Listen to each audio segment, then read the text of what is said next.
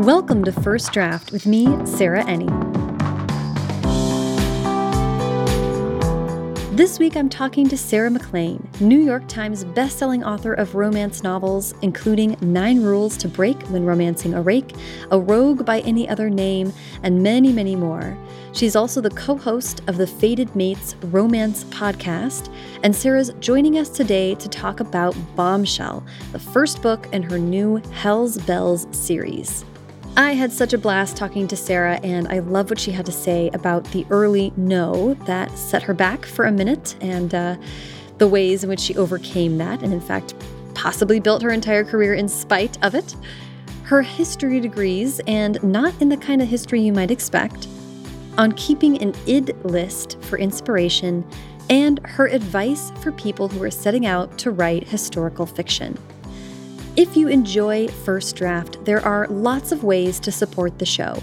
First and foremost, just hit subscribe on the podcast app where you're listening to it right now, and take a minute to leave a rating and review on Apple Podcasts. Ratings are easy and amazing, but reviews get read in the end credits, so take an extra minute and you'll hear your name at the end of an episode.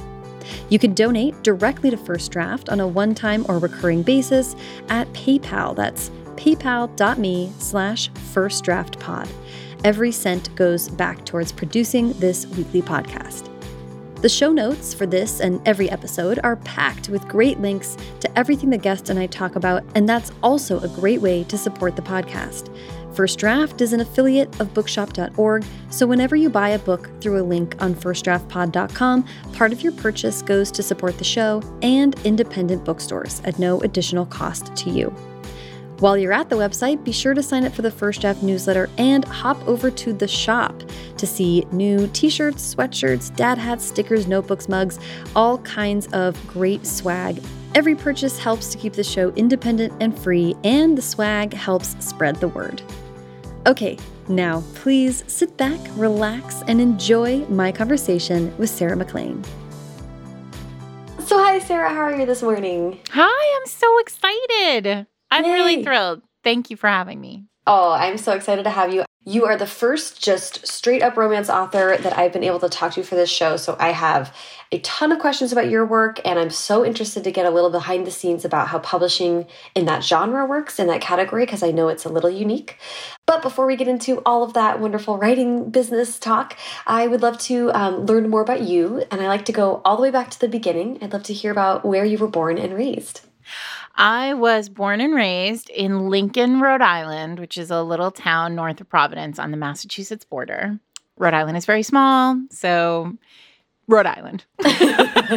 um, I'd love to hear about how reading and writing was a part of growing up for you.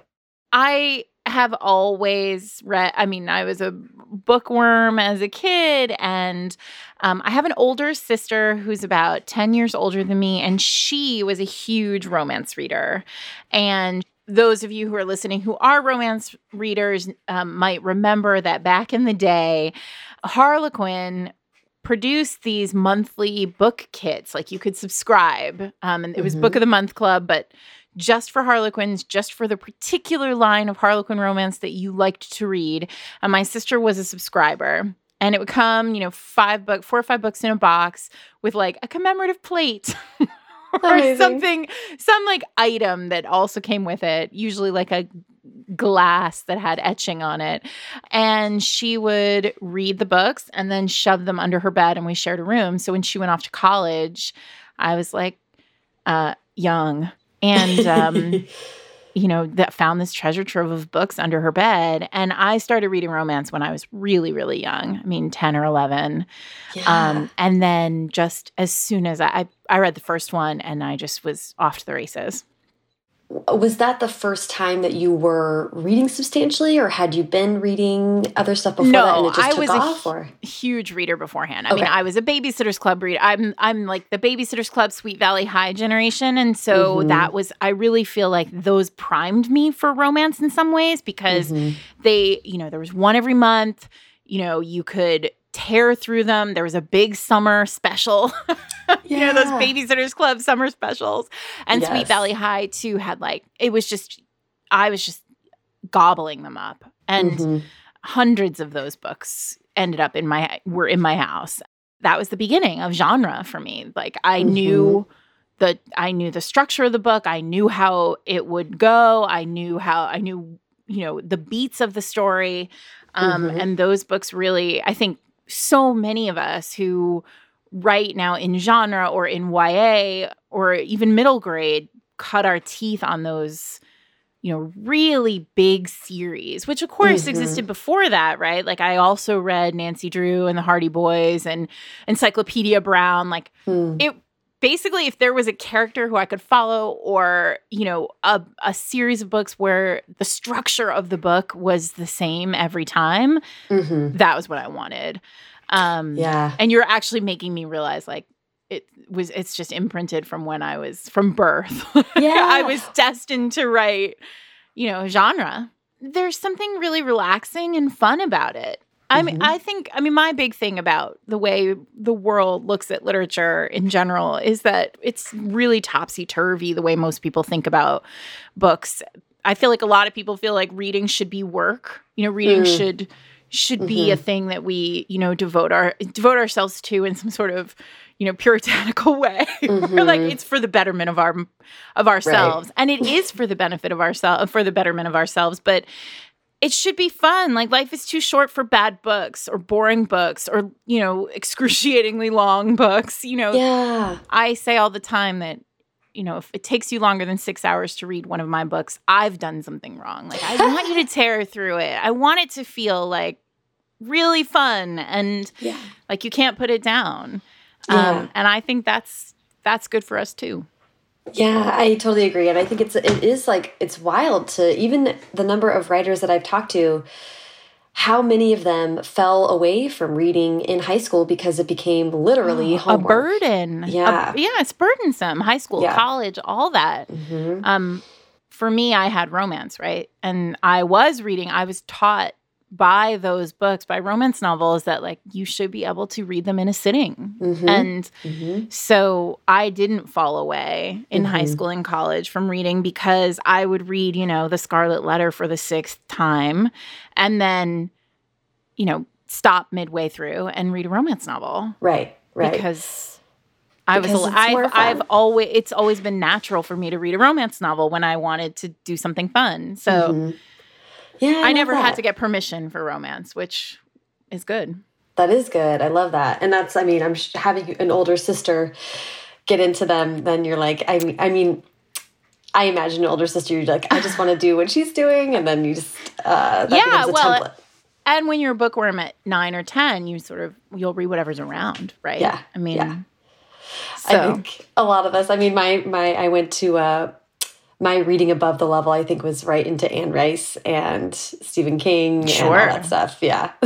yeah. I mean, and now I have a seven year old and she is also a bookworm, which is amazing. And because I know that doesn't always, it doesn't always pass down, but it has passed down in this particular case. And she's just, she is now tearing through, you know, these series, these middle grade mm-hmm. series. And, you know, she'll finish, she'll get a book read it within like an hour and then be like, I need the next one. I need the next one. And I said to my husband the other day, we got to get this kid reading romance because I can't afford.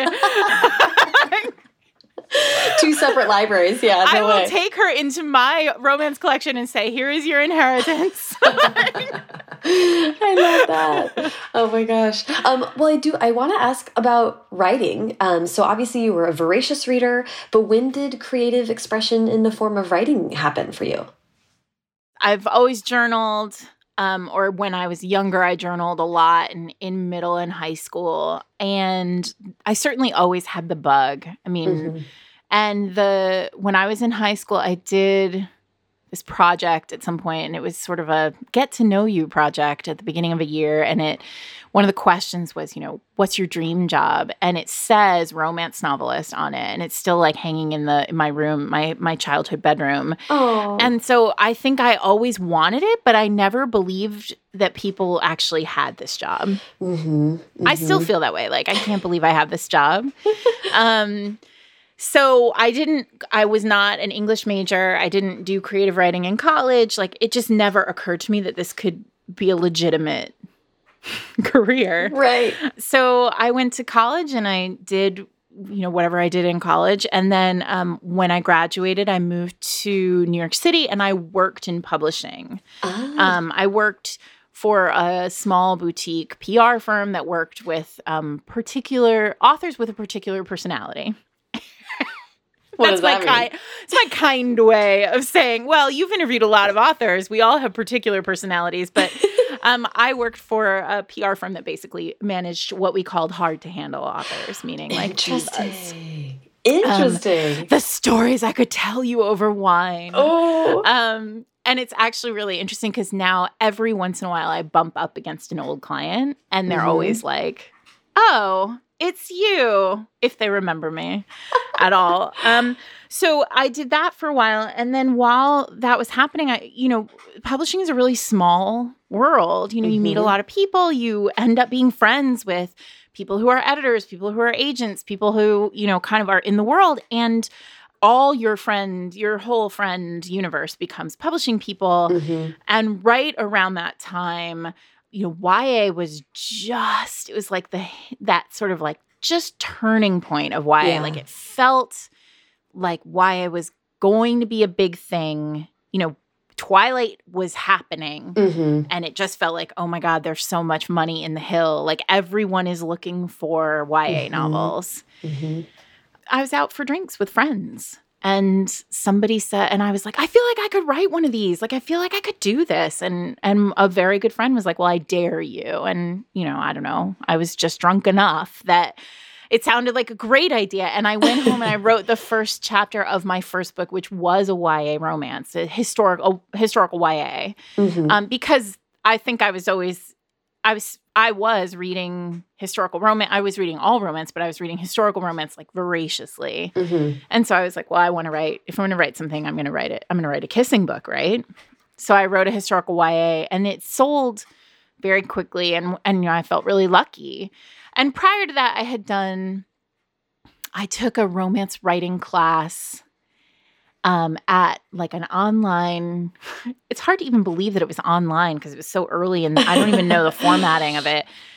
And I wrote a tried to write a contemporary for that class. I wrote 100 pages Mm. of a contemporary, and I said I'm going to tell the story because I always think I think it's helpful for people who are trying to get found. They're Mhm. you know they've they're working toward publishing. Mhm. I wrote 100 pages and I was really excited about it. And it was, it, it was, it would have been, had I finished it, it would have ended up being a category length like romance novel. So the, Mhm. the small, for those of you who don't understand romance, like the small Harlequin book, Mhm. um, the narrow one is about 250 pages, um, between 50 and 60,000 words. And so um, it would have been that. And in the first chapter, the hero is drunk and the heroine owns a bar and the hero's drunk. And I turned it into this person who is a kind of well-known romance novelist. You know, she's she's been around for a long time Mhm. and she was teaching this class and she turned it back around to me and she had only read the first like two pages and she was like this would never get published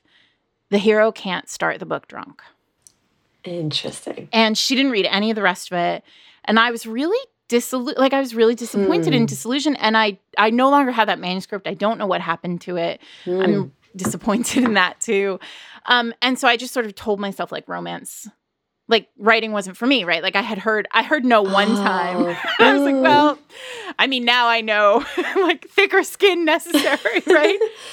but now I sort of I think about that. I, that lives like rent free in my head that moment. Mhm. And since then, I've written multiple heroes drunk in the first on the first page just to prove, like, hey, I can do it. In fact, and Yep. no, don't let anybody tell you what you can and cannot do. Yeah, I Um, love that. I mean, I really appreciate you sharing that story because I do think it's helpful for people to hear that. And I and I have talked to many people that have had instances like that of early being in a position really early on of, you know, I mean, truly I can't even imagine in that role this person teaching the class, like not to vilify them, but you, truly your role is just to encourage a young writer to get something out, you know, and that feels so counter to, you know, it's it's tough. The early discouragements are really tough. I'm glad you got over it. but that was a really rough one. Now that I'm sort of talking about those early that you've asked about those early things, there was also there was a creative writing class. I went to Smith undergrad, mm-hmm. um, and there was a creative writing class there, and you had to essentially like you had to write into it, meaning like you had to have you had to turn in a writing sample in order to take the class. And I turned in a couple of chapters of a romance novel. Like I think I've always, you know, I oh there was never a question I was going to write something other than romance.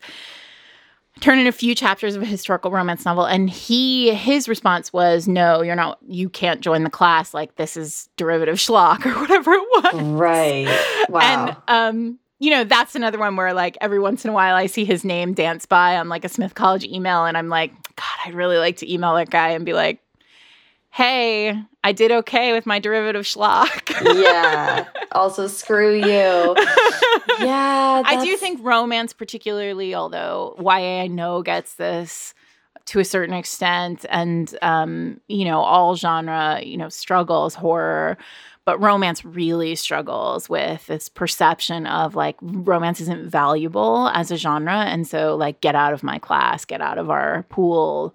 You can't get sold in our bookstore. Like, we're often kind of shunted to the side as an, a less than valuable genre. Yeah, I I mean unfortunately I think you're right, which is really um I know you have thoughts on on this and why that is, so I want to get to that in, in, a, in a minute. Right. I actually I do want to take this opportunity early in the interview just to have you for the listeners who might not understand what the parameters are when we're talking about a romance book like there actually are some pretty yeah there are hard like, and fast rules yes do you mind yes. explaining that for us sure there's only like two rules. One is that um, the relationship between the main characters has to be the pri- the A plot, the primary mm-hmm. plot, and two is that they absolutely have to have a happily ever after. Mm-hmm. If right. they do not end up together, it is not a romance novel. It is something else. It's commercial fiction or a love story, um, but it's not a romance novel. So. Yeah, that's uh, important to know. yeah. And there are lots of other genres that have romance as a subplot or as a strong B plot. You know, there's a ton of women's fiction that is really the primary plot is the story of the heroine, you know, in her life, like finding herself, finding her joy, finding her future, you know, taking control. And also she falls in love along the way that is not romance. That's women's fiction with a strong romantic element. Mm-hmm. We mm-hmm. are, I mean, we're very firm in our rules. It has to be the A plot and it has to be a, a happily ever after. Yes, yes, love that. Before we get too far in, because I do want to talk about the season and your first book and kind of transitioning to adult romance, but but um, I read that you have a history degree as well. I do. Yeah, I, I'm a history major from Smith, and I actually have a I have a graduate degree from Harvard um, in anthropology, cultural anthropology. That's amazing. What was your like specific focus, all that stuff? Well, it'll be a, a, probably a little bit of a surprise. I was an American Studies major, um, and my focus was post Vietnam. So really? wow. yeah, the post-war era, years um, after That's so Vietnam. interesting. Yeah, now, in hindsight, it's actually not that surprising in that the kind of heyday of contemporary romance novels, or rather, when contemporary romance really like you know, sh- you know, rocketed to success and you know is a powerhouse in the industry.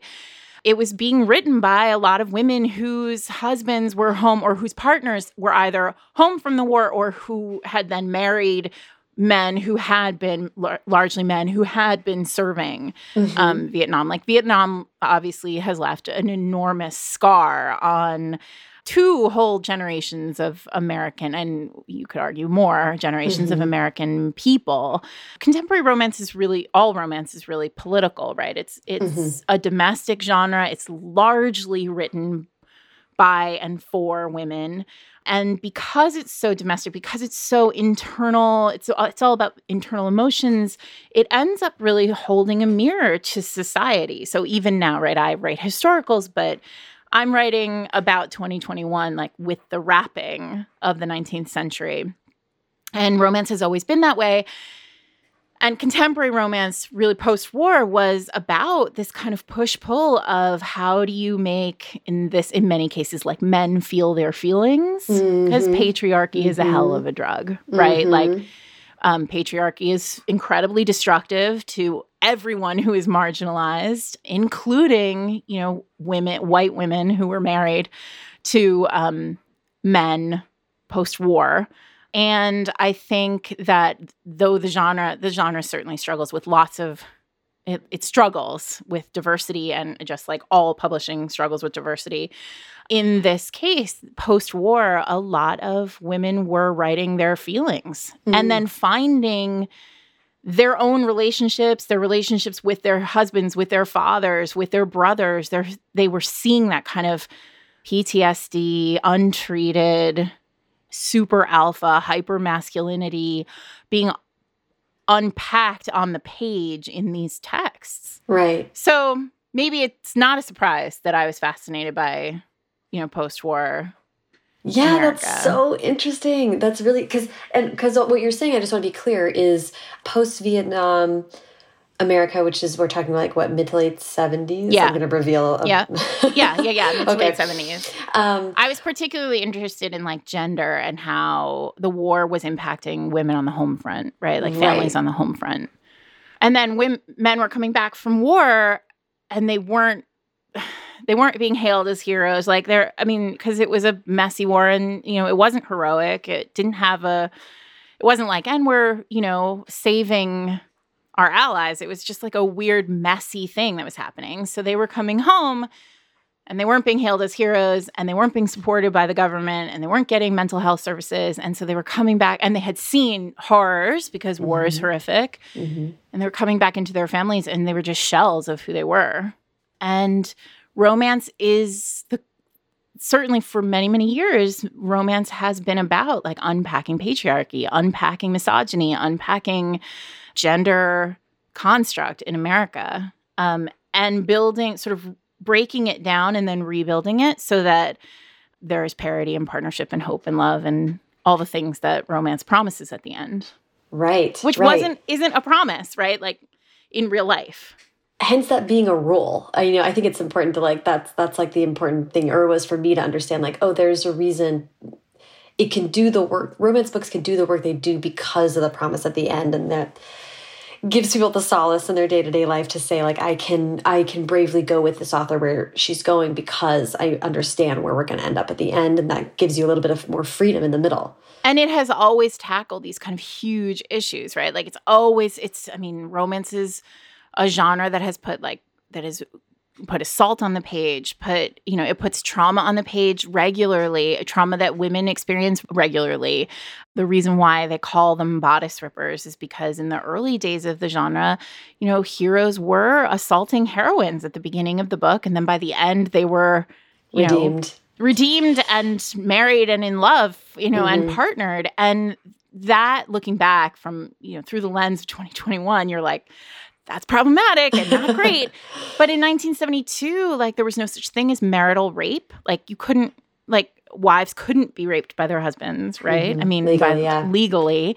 So the idea that that would be put on the page and addressed on the page and named on the page and you know unpacked on the page was a really transformative thing.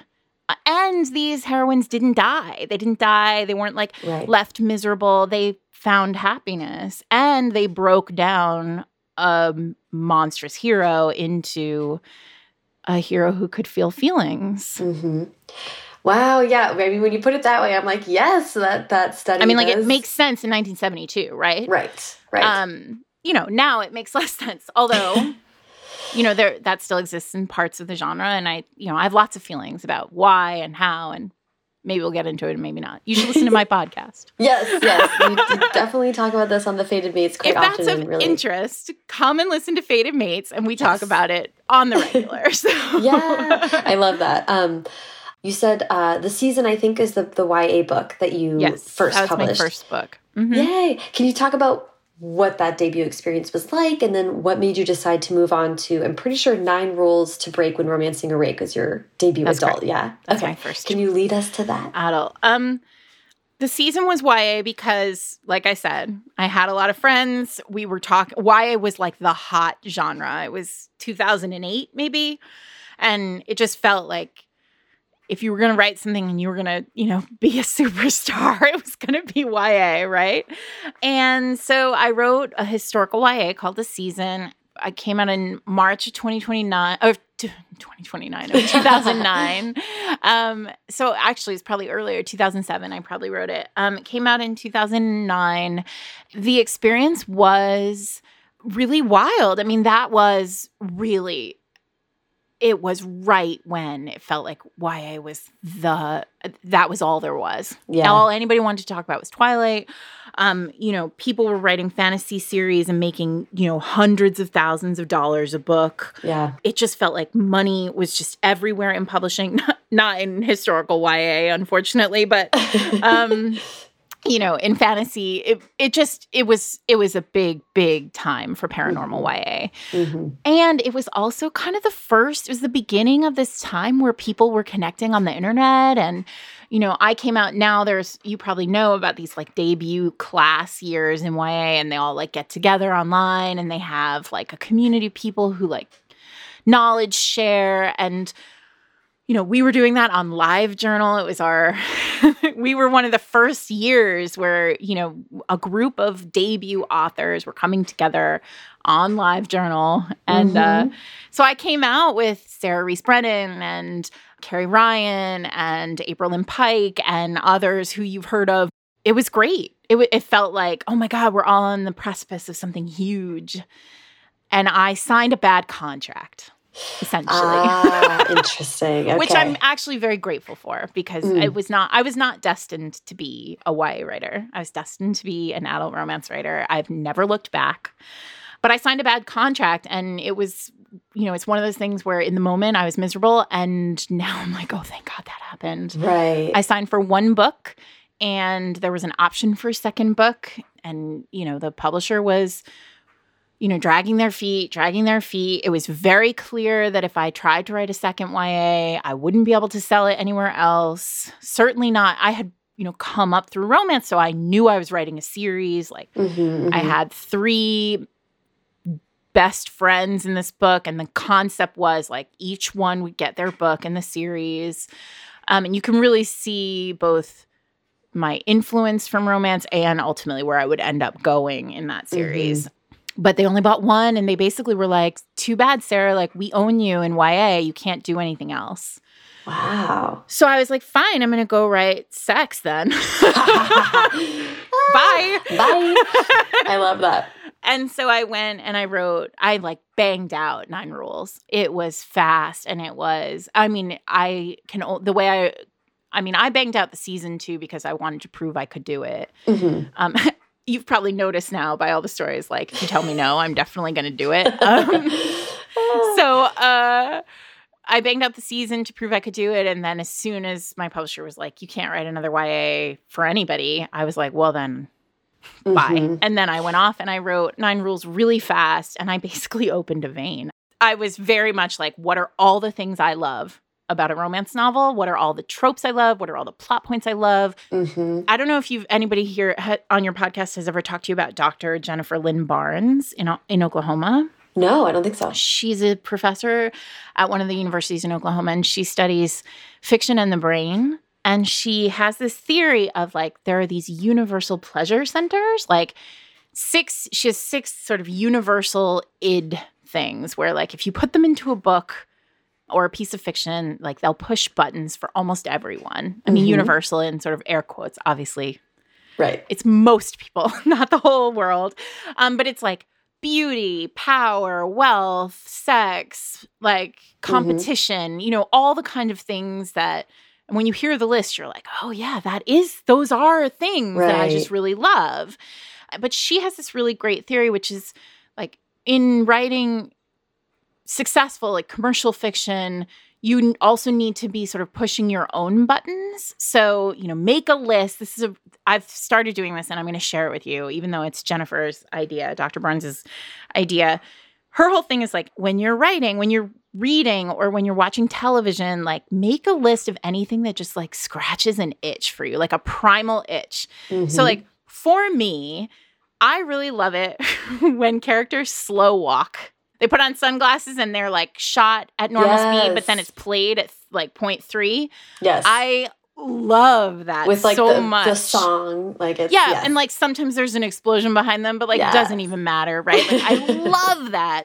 So like that's on my id list. Like I love it when characters are on rooftops. That's on my id list. Like I love it when characters have strange colored eyes. That's on my id list, right? Mhm. And so I have this like long list, and anytime I see anything that like makes me happy, right? Like I love heroes who have beards, like you know whatever. Mhm. I put it on my list, and then I just sort of like when I'm when I'm looking at a document, I'm like, well, what can I do? Like, let's send them to the roof. Like, I don't know I if you like that. characters who like ice cream, like go, make them go eat ice cream or whatever the things are. Mhm. All that is to say that I feel like I learned about that a couple of years ago, and but back in 2009 when I was writing Nine Rules.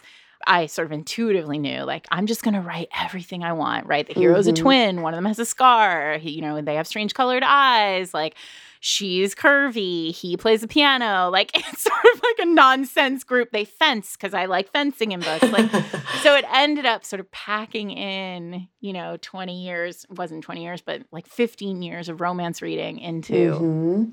a book that ended up being my first romance. That's So- amazing. Yeah. It, it feels also like a little bit like nine rules to break when romancing a rake. There's a bit of a promise even in the title about a bit of like a meta relationship with romance writers. And and maybe this is common in the genre, I'm not totally sure, but it feels like you're sort of signaling to readers like I'm I'm one of you, so you know what you're gonna get Yeah. here is gonna be like in this Yeah. world. I mean, you can tell. I think this isn't, I don't think this is special to romance, but like when you read a romance novel by somebody who loves romance, it feels like that. I mean, you Mhm. just, you feel like you're reading an old friend. Mm, Um, mhm.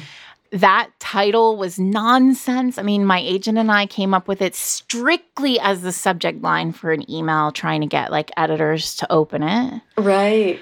And then when Harper bought the book, and I, I remember about a month later, I said to my my editor, because most of the time you don't get to pick your own title. Like Right. marketing picks your title, sales picks your Mhm. title. And I said, What's the title gonna be? And she was like, What are you talking about? It's gonna be Nine Rules to Break When Romancing a Rake. And I was like, That's nonsense. It's so long. It rhymes. What are you doing? And then, of course, the rest of the series had to be like numbered titles that also rhymed. And I was Right. like, what? This is not how it was planned. I've made a huge mistake. that is like kind of a big task. it was sold as a series only because, you know, my agent at the time was a YA agent. And so she'd never touched romance. So we were really flying by the seat of our pants by virtue of like, I knew what the book needed to be, but I didn't know publishing romance. Like, I Mm. didn't have any friends who were in romance publishing. Mhm. So, um, because romance is often so, you know, it's on the side always. Um, they're happy to make a ton of money off of romance, but like they're not invited to any of the parties. Mhm. So I wrote nine rules and it went out to publishers and my editor at Harper who ultimately, you know, bid for and won the series said we want 3 books and I said but there's only one book. she was like no, but there are 3 books. There's uh, Ralston, who's the main, who's the hero, and then his twin brother, because twins, he Uh-huh. obviously gets a book, and then they have a sister, a half sister, and so she's obviously the third book. So that first series was the siblings. It was just a family book. It was a family Mhm. series. I always sell in series now, Mhm. and so Mhm. even in that first trilogy, there is a kind of overarching, like their mother is a kind of figure through the whole series who turns up. She's sort of a mysterious kind of missing figure, and then she turns up in the third book. And I think that was the kind of start of a Sarah MacLean series. Like there will always be a thing that if you read the whole series in order, you will be rewarded Mhm. by but it's not quite the same as YA fantasy say where like you have to read every book in order or else you're lost. Right. Yeah. Yeah. Which is another interesting. The idea is- um, Yeah, they're standalone stories and you can read them in any order at any time and they s Mhm. they definitely stand alone. Um, but my books if you if you go in order, there are easter eggs and fun little treats for you. yeah. I love that. Um, I want to talk about your process, and, and I love um, that you kind of set me up for the selling in the series. I want to talk about that in a second. But I first want to, I was listening to an interview with you where you talked about um, entering the adult romance space in 2010 and you said i came in feeling the wind at my back blowing the door closed and yeah. you said that in reference to self-publishing yeah so i'd love to just hear this is a big question i know but i'd love to just hear you kind of characterize for us what has happened in romance since then and how you are a, a traditionally published romance author. Mm -hmm. in that's becoming kind of a rarity almost uh, yeah. or, i mean i think Yes, 2010 felt, I mean, it feels like forever ago for in romance especially because it was right then that ebooks started, you know, we were all just starting to think about ebooks. To give you a sense, my first contract did not have ebooks in it. Wow. That's um, wild. it did not have any a digital clause. Wow. Right. So um you know, I when I started Borders still existed. I mean, mm-hmm. like there were it was a very different landscape. Romance tries everything first, right? And part of the reason why is because we're pretty nimble and we write really fast. Like I write incredibly slow and I write a book every 11 months. Like but many many of us were writing a book every 6 months, every 4 months in some cases. Um and traditional publishing, part of the reason why Nora Roberts, for example, has two names is because she was writing so fast that she wrote you know, she started writing her rom- her in death series, and her publisher was like, "Well, we can't publish any more Nora Roberts." Right, you would cannibalize your own sales. Really, like it sounds totally silly. like you definitely can publish more Nora Roberts. I think she can handle it. Um, so they put her out as JD Robb too, so mm-hmm. that like there were just two two lanes for her. Anyway, so we have always written very fast, so it means that the genre romance tends to shift more quickly than all the other genres. So like we were the first in the mass market format. We were the first, you know, to we have always been like kind of the the leading edge. Like publishers throw us into the pool and say like, "Well, do they sink or swim?" Ebooks happen and romance just instantly so many writers who had been sitting on old rights. I mean, right. books that had gone out of print, books that were um, that they now had access to. You know, because again, with romance, everything that we do is sort of short tail, right? Or at the at the time it was right. Like my books sell the most in the first month. Just like I mean, I think this is true of other genres too, but and then they get taken off the shelf. Like they're just gone.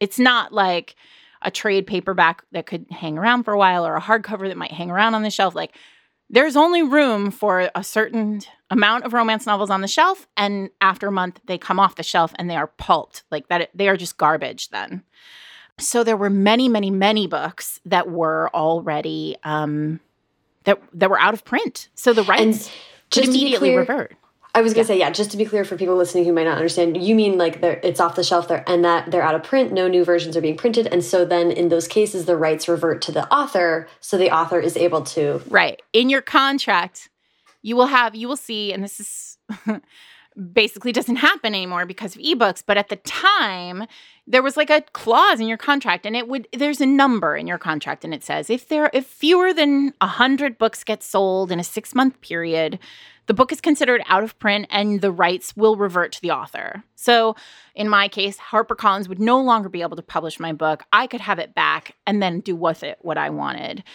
So, what was happening is all these women who had been writing for decades and written literally like dozens of books that were now out of print had them all.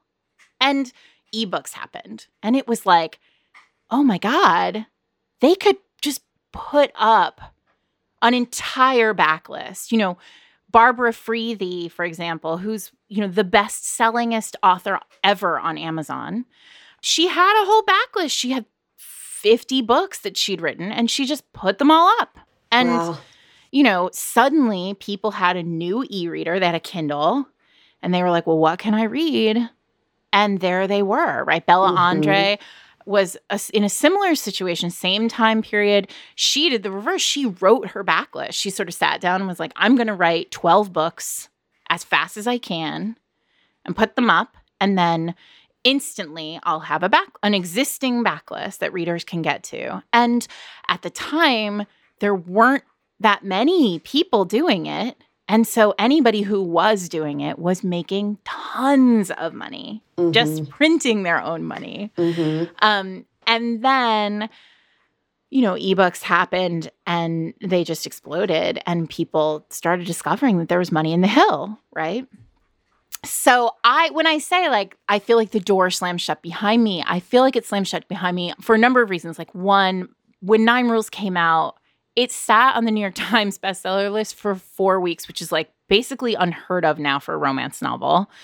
And the reason why is because Borders existed, right? Mm-hmm. Borders, Waldenbooks still existed at the time, I think. Like there were just enough stores that they were moving, you know, you could buy romance novels in bookstores. Um, you know, it was before Barnes and Noble became like a game store. Right. Right. And yeah. and it was also it sort of just predated ebooks. Right. They existed. Nine Rules was out in ebook, but at the time I was pr- I was selling like 6 to 1 print to e. And so it was a really different world. Like it was an it was a world where it was easier to become like a name that people knew. Mm-hmm. Mm-hmm. And now I think the world it's just bigger. The pool is bigger. There's so many more of us writing, and that's right. so good. Like mm-hmm. I just want to say, like the val the the thing about romance is like whatever your kink is, it's out here. We have it. Someone's writing it just for you now. And you can find those books now in a way that you couldn't in 2009. Right. Right. Um, yeah. And I mean it's interesting that that romance readers, I think it's almost, you know, we just talked about kind of devouring series and books like kind of built to be consumed all at once. So it's, you know, my friends who are like avid, avid romance readers are avid romance readers. Yeah. So they're on their Kindle, they finish the book, they buy the next book, they move on and finish. Like it's just suited to that. Well, romance readers read on average like the the la I don't know, there was a piece of data from six or eight years ago, and it was like romance readers on average read 10 to 12 books a month. And like, which is wild. First of all, that's on average. Like, there yeah. are a lot of us, myself included, who read at least 20 to 25 books a month. Mm-hmm. And we're just, I mean, we cannot be stopped, right? Like, we mm-hmm. are voracious. We'll mm-hmm. read whatever you put in front of us. And that's, that makes us really different than other genres. Right. Thank you for explaining all that. That's so interesting. I just am interested in what made you decide to continue with traditional publishing um, and whether you've been ever tempted by self-publishing or how that's been for you. Um, I, I'm a slow writer and it does feel to me like self-publishing serves fast writers better than slow mm -hmm. writers now especially it just feels like if you're not feeding the beast you're it's it's much much more difficult i think mm-hmm. in my mm-hmm. opinion i mean what do i know but so for me the kind of sure the st- the slow and steady mm-hmm. like pace mm-hmm. with the sure thing the kind of i've got four four books on this contract that's you know three and a half years like locked in the money is what the money is you know it it is it feels solid for me in a way as a slow writer the other piece is that I just, I've been, like I said, I was very lucky. I came in just at the tail end of traditional publishing being like a viable career for a job, like that would pay your bills, you know, without too much concern. And now I think it's much, much more difficult to get, you know, a deal that where you feel like comfortable quitting your day job, writing full time. I mean, but I would be lying if I said I I don't think about self-publishing. I mean, it's clearly here. It's clearly something that we are all going to have to tackle at some. And certainly like publishing is who knows? Who knows? You know, I have a book coming out in August. Who knows how it will sell? It's the first in a series, thank God. So like I know I'm locked in for three and a half years, but you know, who knows? It's such a big question mark. The genre's changing, the industry's changing, you know, the world is changing. What is it going to look like? Self publishing obviously is on the table as like, oh, well, that's another avenue. I have self-published. I self-published a Christmas novella, a Christmas anthology with some friends. That was great. I published. I self-published a contemporary anthology last year. That was fun. That book is actually going up next week, like as a standalone. So there, I've certainly like, ha- I at least I understand, you know, how the system works. but it also, I mean, it just it feels like a huge. It's a totally different world. It's my job right now is I mean, it's not quite because romance because uh, writing is not just about writing the book anymore right like right. none of us are thomas pynchon but like you know like my job is mostly writing the book and like being on twitter you know mm-hmm. like and sort of being in the public space right. doing a podcast doing the podcast yeah but you know if you're going to self-publish you've got to be you know you've got to manage all the money you've got to do all the covers you've got to make sure that you're handling audio and you know all those pieces and there is some freedom to saying, I'm going to let HarperCollins take care of that. Um, but I don't know, maybe it'll come back to bite me in the ass someday.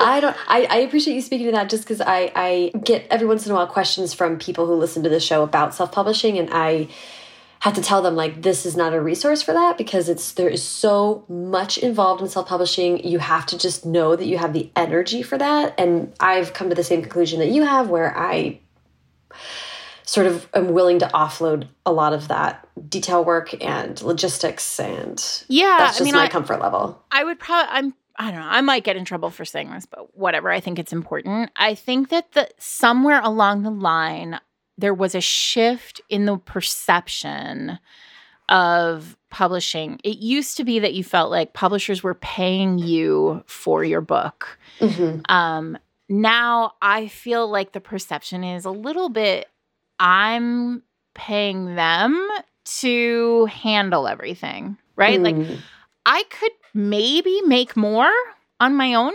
Mm-hmm but I don't have to worry about right. How is it right. going to get on a shelf somewhere, right? right? And there's value in that. Yeah, I see what you're saying. You're you're sort of taking whatever cut because they are designing the book, printing the book, storing the book, shipping the book. Like yeah, XYZ. and when something goes wrong, I can send yeah. an email to somebody and be like, "Hey, this thing went right. terribly wrong," and like they'll fix it, and I don't right. have to. Right. you know. Yeah. Yeah, I think that that is I think you're right and that is an interesting but it's also an empowering way to think about it. You know, you're you as a business person are making that decision. Because yes. then your energy is going where you want it to go. Yes. Yeah. Yeah, I appreciate that. Okay, let's talk about process. I would love to hear about um I love what you said earlier, and, and I was reading another interview with you where you said, When I conceive of a series, it's always with the idea of approaching a single theme from multiple angles, which I think is so interesting. Yes. So I always sell as a series, um, and that's not abnormal in the genre. What is abnormal about how I sell a series is there's usually an overarching over the course of the four, three or four books. There's something going on that will impact every book instead of most of the time in romance the series are loosely connected. So it's um you know like a family where every kid gets a you know it's bridgerton right? Every kid gets a marriage or um you know or a group of friends or whatever. But in my series usually there's like a there's a conceit that brings all the characters together and then there's a larger arc of a story. Again light touch so you can read any of them at any time but there's a rewarding moment, either a twist or something that at the end of the series. And when I when I start, I I usually am thinking about like what's the thing I want to talk about? Do I want to you know, I wrote a series uh, set in a casino where every one of the characters had had been born into privilege and then hmm. immediately mm. lost all of their privilege in some mm-hmm. way or at some point over their childhood had lost all of their privilege. And so I wanted to play with this idea of like who you're born to be versus who you you know destiny versus birth versus destiny right? right. Um or i you know and then i did a whole series that was really about historical takes on modern celebrity scandals right? And this question of like what is scandal? How you know how do we use our scandals like as power? How do we use our flaws as power? And then the last series uh the last series of books that i did which was the bare knuckle bastards was all about i I stopped writing nobility in that series, right? Like I didn't want to write anybody with a title. Mm-hmm. Um, and the reason why was because I, well, first of all, billionaires were in power and I hated it. and I was like, no, none of that. Only uh-huh. people who have like pulled themselves up by their bootstraps. Um, and so I wrote this series that where I started to get really interested about like the difference between being noble, acting nobly, and like being born into mm. nobility. Like, and mm-hmm. I, you know, how those two things don't almost ever go together. Right. And now I'm writing a series about a Victorian era girl gang, which is really about just like patriarchy sucks, mm-hmm. which yes. isn't really light touch or anything. but very yes, but a very timely thing to explore, I would say. Um, so actually, let's let's use um, Hell's Bells as a series as a way to talk about your process. Um, mm -hmm. But before we dive into that, do you mind um, pitching Bombshell and the Hell's Bells series for us? Sure. So Hell's Bells is the conceit of the series is Victorian era girl gang, and they're you know going to smash the patriarchy and fall in love at the same time. Mm-hmm. Uh, and so, and I really, really wanted it to be about four. It's four books at least at the start. It's four books. And they're each titled. I haven't announced all the titles, but you know they, they all have a title like Bombshell, where it's like a, I I was really interested in like the way that we talk about women in the world and the way that we identify women as problems, right? Mm-hmm. From the mm-hmm. any time, uh, most of the words we use to describe women are just like problematic words, but they all have such power. Like bombshell has, there's, there is power in a bombshell. Right. and, right. And I really, um, so I wanted to talk about how women in the world, I, I, started to get really interested in like Rebecca Traister's Good and Mad and mm. Sady Doyle's Trainwreck and Mona Eltahawy's The Seven Necessary Sins of Women and Girls. Mm-hmm. And this mm-hmm. kind of concept of the strength that women have in anger and the strength that women have when they build community around that anger, right? So the series is about a girl gang. It's four heroines, each each one of them will get a book and they each have it's a little like Ocean's 8, it's a little the A team, like they're all they all have like a particular skill. Mm-hmm. Um and there's you know the character the duchess who sort of brings them all together and like keeps them all you know on on the path of smashing patriarchy and over the course of the four books each one of them will find love um and Yay. so it begins with cecily um, who readers will know from an old series, but again, you don't have to have read that series. She was a leftover character from an old series who I had to give a story to. So she's the first of the bells. It's sort of a unrequited love, kind of the one that got away story. And he comes back. He's American and he comes back to England.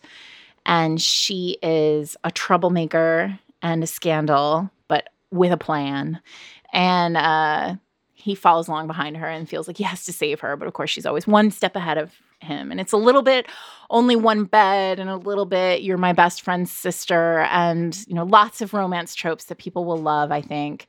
But ultimately, it's about women and power and community and partnership.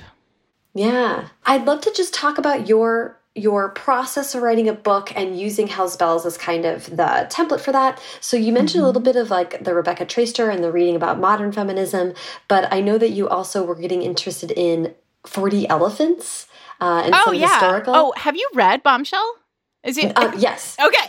Yeah. oh, you're the first person I've talked to who has. So yeah, it's like 40 elephants. Yeah. Um, the 40 elephants gang. So I, I mean, I knew I wanted to write a girl gang you know when i do research when i uh, research often comes um, simultaneous to the idea for me mm-hmm. because what I have learned over writing for 12 years historicals is there is literally no idea you can come up with that you can't find in history. So often I like start with the idea and then I go looking for, mm. you know, how did that work? Who was doing it then? Like, how do we get close to it? Can I ask a really quick, very um, granular question about sure. that. And this is for people who may not have your background in history, but if they're interested in writing historical, when you say you start to research and look into it, literally where are you going? Who are you asking? Like how how do, what are your resources for that kind of work? So, well, now I have a pretty extensive research library. So, you can always tweet me and I will help you, or send me an email and I will help you. So, I'm going to say it because it's true. Start with Wikipedia because right. there, and then Wikipedia, like, look, don't buy into everything Wikipedia tells you. But, you know, the one thing about Wikipedia is there are so many resources linked on those pages, right? right. There is bibliography um, there. Google is your friend. And, mm-hmm. you know, I have my podcast co host is a middle school English teacher, and she's like, You're not supposed to, you know, they can't just. and I'm like, No, I know, but it's a good start, right? Like, right. Um, I trust you all to know that Google and Wikipedia are your friends, but they mm-hmm. are not like they're not the end of the line.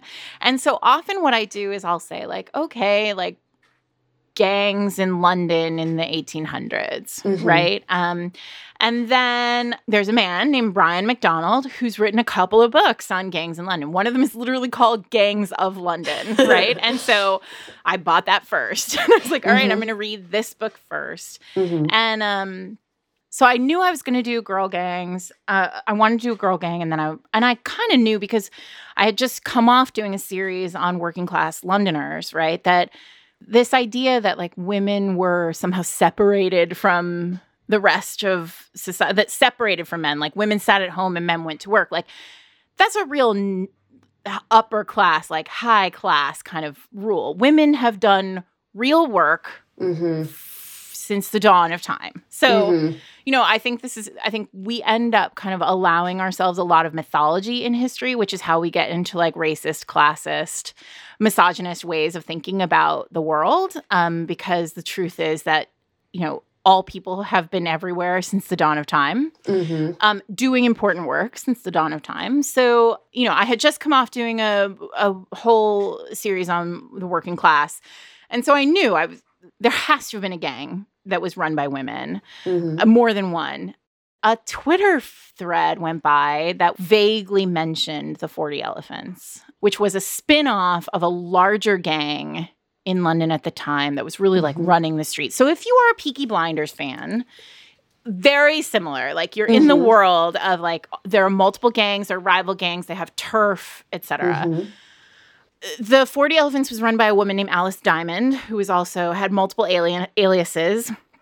And it was generally a shoplifting gang, but it also did all it, do, it did many many other things. There's a fantastic book also written by Brian McDonald called Alice Diamond and the 40 Elephants. Um, again, very on the nose, useful for, for searching. Because um, then when you start searching, I mean, then you sort of know. You're like, all right, now I'm looking for Alice Diamond. Like, what do we know about her? What can I find? Usually I go to England twice a year and spend at least part of my trip in the British Library doing research. The librarians there are absolutely amazing and you know if you call you can you know register ahead of time and tell them what you want to do mm-hmm. and they'll mm-hmm. deliver you like there was a time when i thought i was going to write a circus which you know has sort of seeded there are a few little circusy things in daring and the duke which is my last book and bombshell which is coming because I was like, I don't think I'm gonna write a circus after doing some research on circuses. But like I told the librarian at the British the British Library, like, I want to write about a circus. And suddenly, like, I got there and there were just piles of things to look at, like historical circuses. Um, this year, I wasn't able to go, but we did, you know, we did a, f- a fair amount. They really took care of me virtually. And so, because I'm I don't know that I would say I'm a trained historian, but because I have always had an interest in history, I I'm always very happy to like sit and read about mm-hmm. whatever the thing is. And mm-hmm. that's really, I think if you're writing historicals, there has to be a part of you that's interested in, you know, how mm-hmm. did this mm-hmm. work? And now it's funny because periodically like an idea will come i'll read something you know historically interesting and i know i have you know my friends who write historicals and i'll say oh that's a sophie jordan idea you know and i'll send it to right. her like hey you should write this and um, right. um, you know, or that's a Tessa Dare idea. Like, does Tessa know about this? And so, yeah, for me, 40 Elephants was, oh my God, this is it. And they were maniacs. I mean, they. they absolutely terrorized London. They ended up having to get they expanded like outside of London. They would walk into there, you know, people knew who they were. They would they had these specialty skirts made, these like kind of diaphanous skirts made mm-hmm. with like specialty pockets, um, which I'm you know, you can see I'm sort of seeding that there's going to be a dressmaker at some point in the series. And like, and they would walk into stores and like store owners would like panic because the 40 elephants had come in and they knew they were about to be just like taken for everything that they had. And then, but Alice ends up like, you know, falsifying documents to work in a munitions center, like a place making bombs, so that she could get access to gunpowder so that she could blow things up if she needed to. I mean, like, truly anything that you have seen in Peaky Blinders, like, it's just not even close to what is going on for real on the streets of London. Um, and other places in in England and I'm sure around the world, right? Like New York mm-hmm. too. Mm-hmm. So the other piece of it is having good friends, right? Like knowing I have, you know, I'm Joanna Shupe is a dear friend. She writes Gilded Age, Victorian, uh, New York set stories.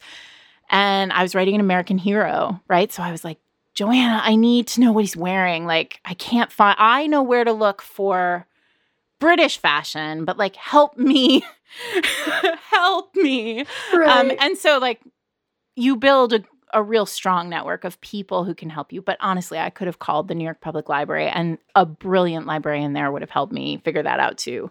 Right. So remember, libraries exist and your tax dollars pay for them.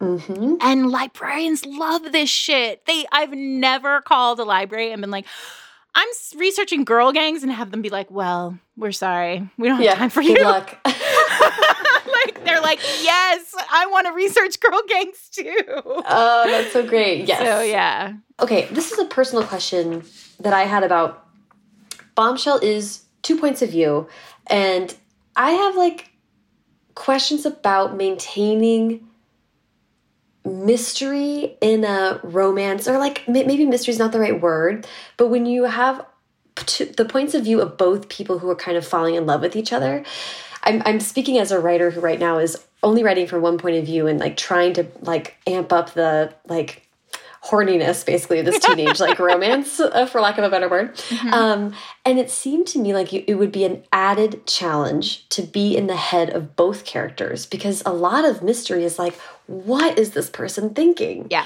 so i don't know i would just love to hear what your thoughts are about that that's a good question i do think in first person it's mm -hmm. harder to be in both yeah. heads although I think it's point of view. It's it's um, depth of it's it's first person versus third, right? Like, mm-hmm. so my books are written in close third, which is the kind of I mean, Jane Austen wrote in cl- close third, so like that's right. the J- Jane Austen basically invented close third. So mm. the um, it makes sense. The romance is written in close third, right? Uh, and but so the benefit of writing in close third is that I can pull away as the narrator anytime I want right? Mm-hmm, and like mm-hmm, hide mm-hmm. hide from the reader or from the character what I'm what I want whatever I want to hide. Um, right.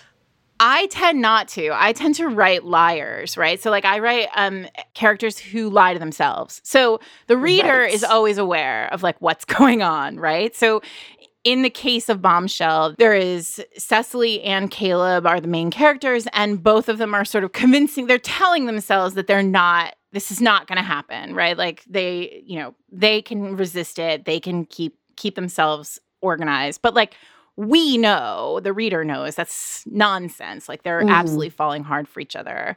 And I think that the value of close third is that as the narrator, I can show you you know the twitch of the hand the way the heart mm. races the kind of like physical characteristics of you know when you're in that the heroine's point of view she can feel all of that but she can't see what's happening to him right? He's still a cipher in her pov and he she's a cipher in his.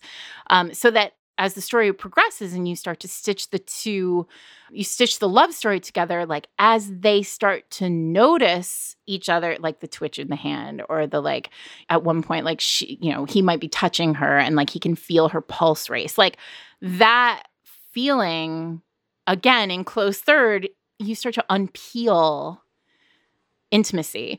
There's a guy named Desmond Morris and he has a his concept he has a theory called the 12 steps to intimacy and it's pretty well known in the sense that it begins like eye to eye right like i look at you and like that's the beginning of our intimacy like eye to body and then it goes all the way to body to body right like there's literally like all the different ways hand to hand to body hand to hand like you know and um I think that's really that's an interesting way of like playing with it. Like how do you use intimacy? How do you continue to build intimacy using all the tools that you have? Right. Yeah. Oh, I love that. But That's I do think first person makes it challenging. First person single POV Yeah. because the other character becomes a cipher.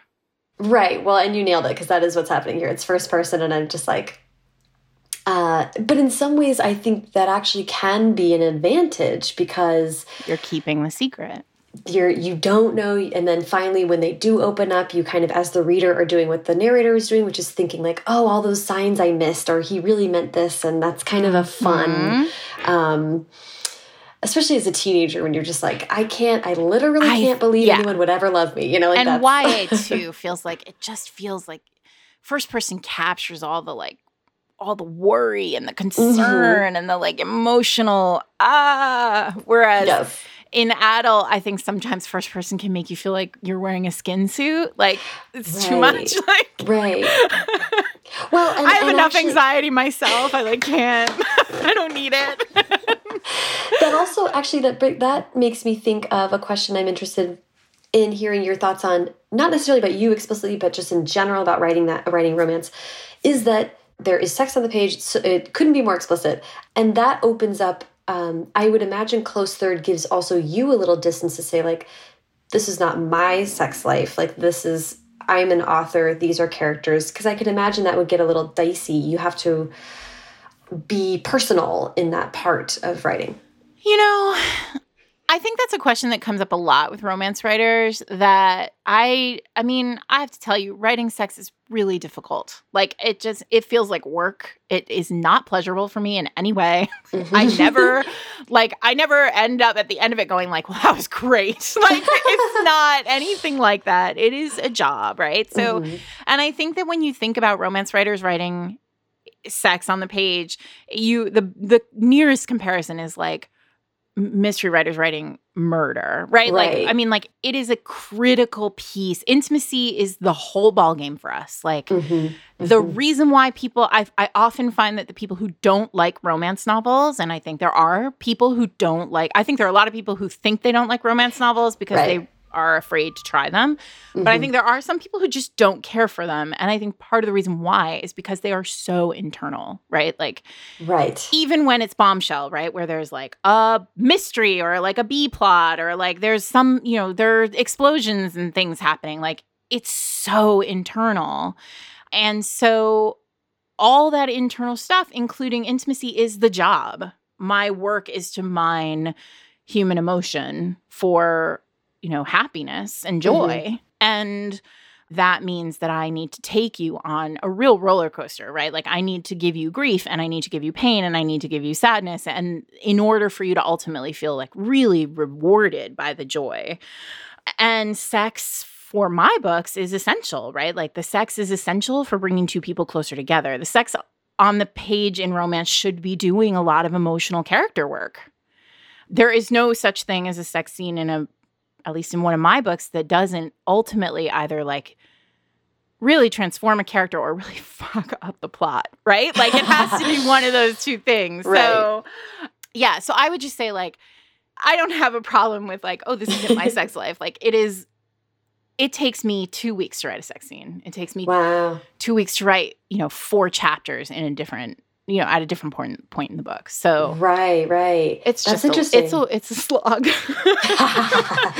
I hope it doesn't feel that way, but it is. It's work, right? Yeah.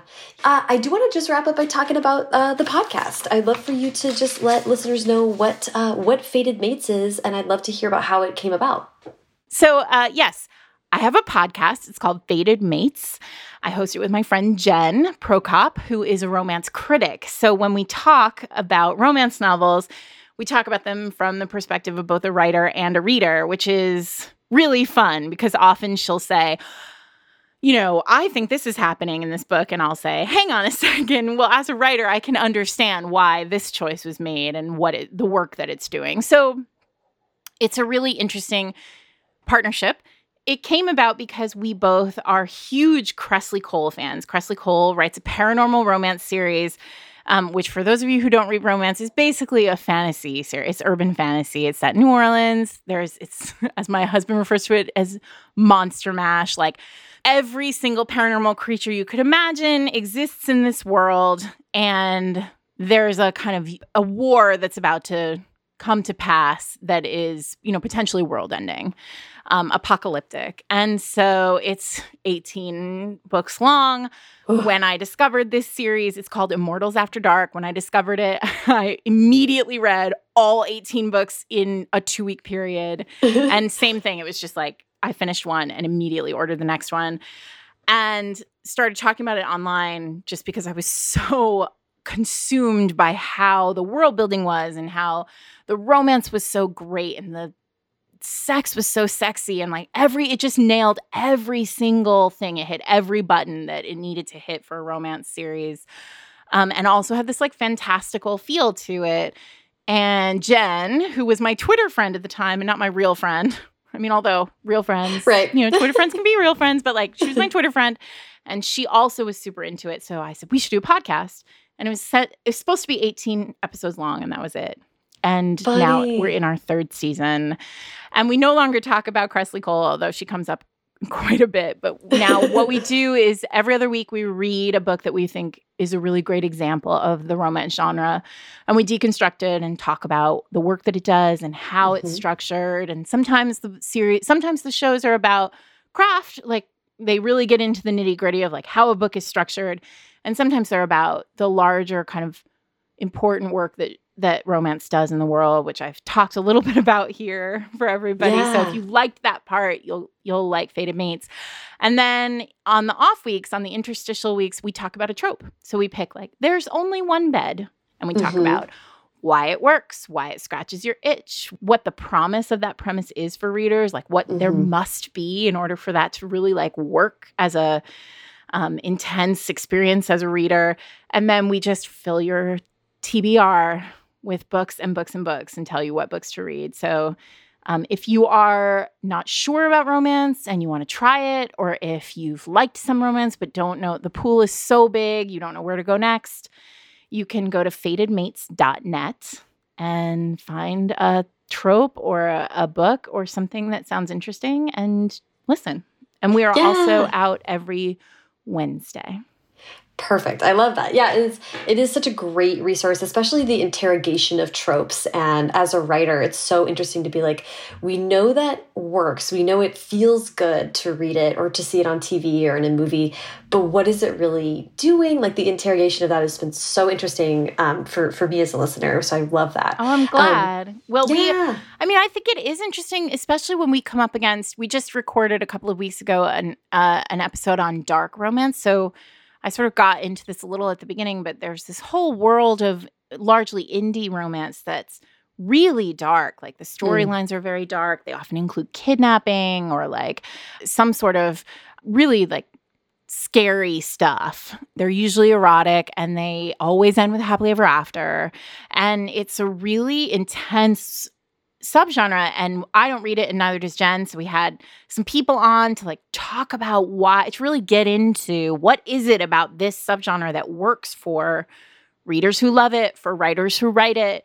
What are we trying to do with this genre? And I think the goal has always been to both take romance seriously and also remind everybody that it's kind of bananas and fun. So Right, right. I love that. Yeah, and I was just I just listened to the most recent Christina Lauren episode, which Oh. was about embracing the bananasness of yeah, yeah. I mean, truly bananas. So I think that's the thing that people don't realize about romance. Like, in many cases, we know exactly what we're doing. We know that the stories are sometimes bananas, Mhm, um, mhm. and we want you to have fun with them. We want you to tear through them and and read them like they're like they're Marvel movies.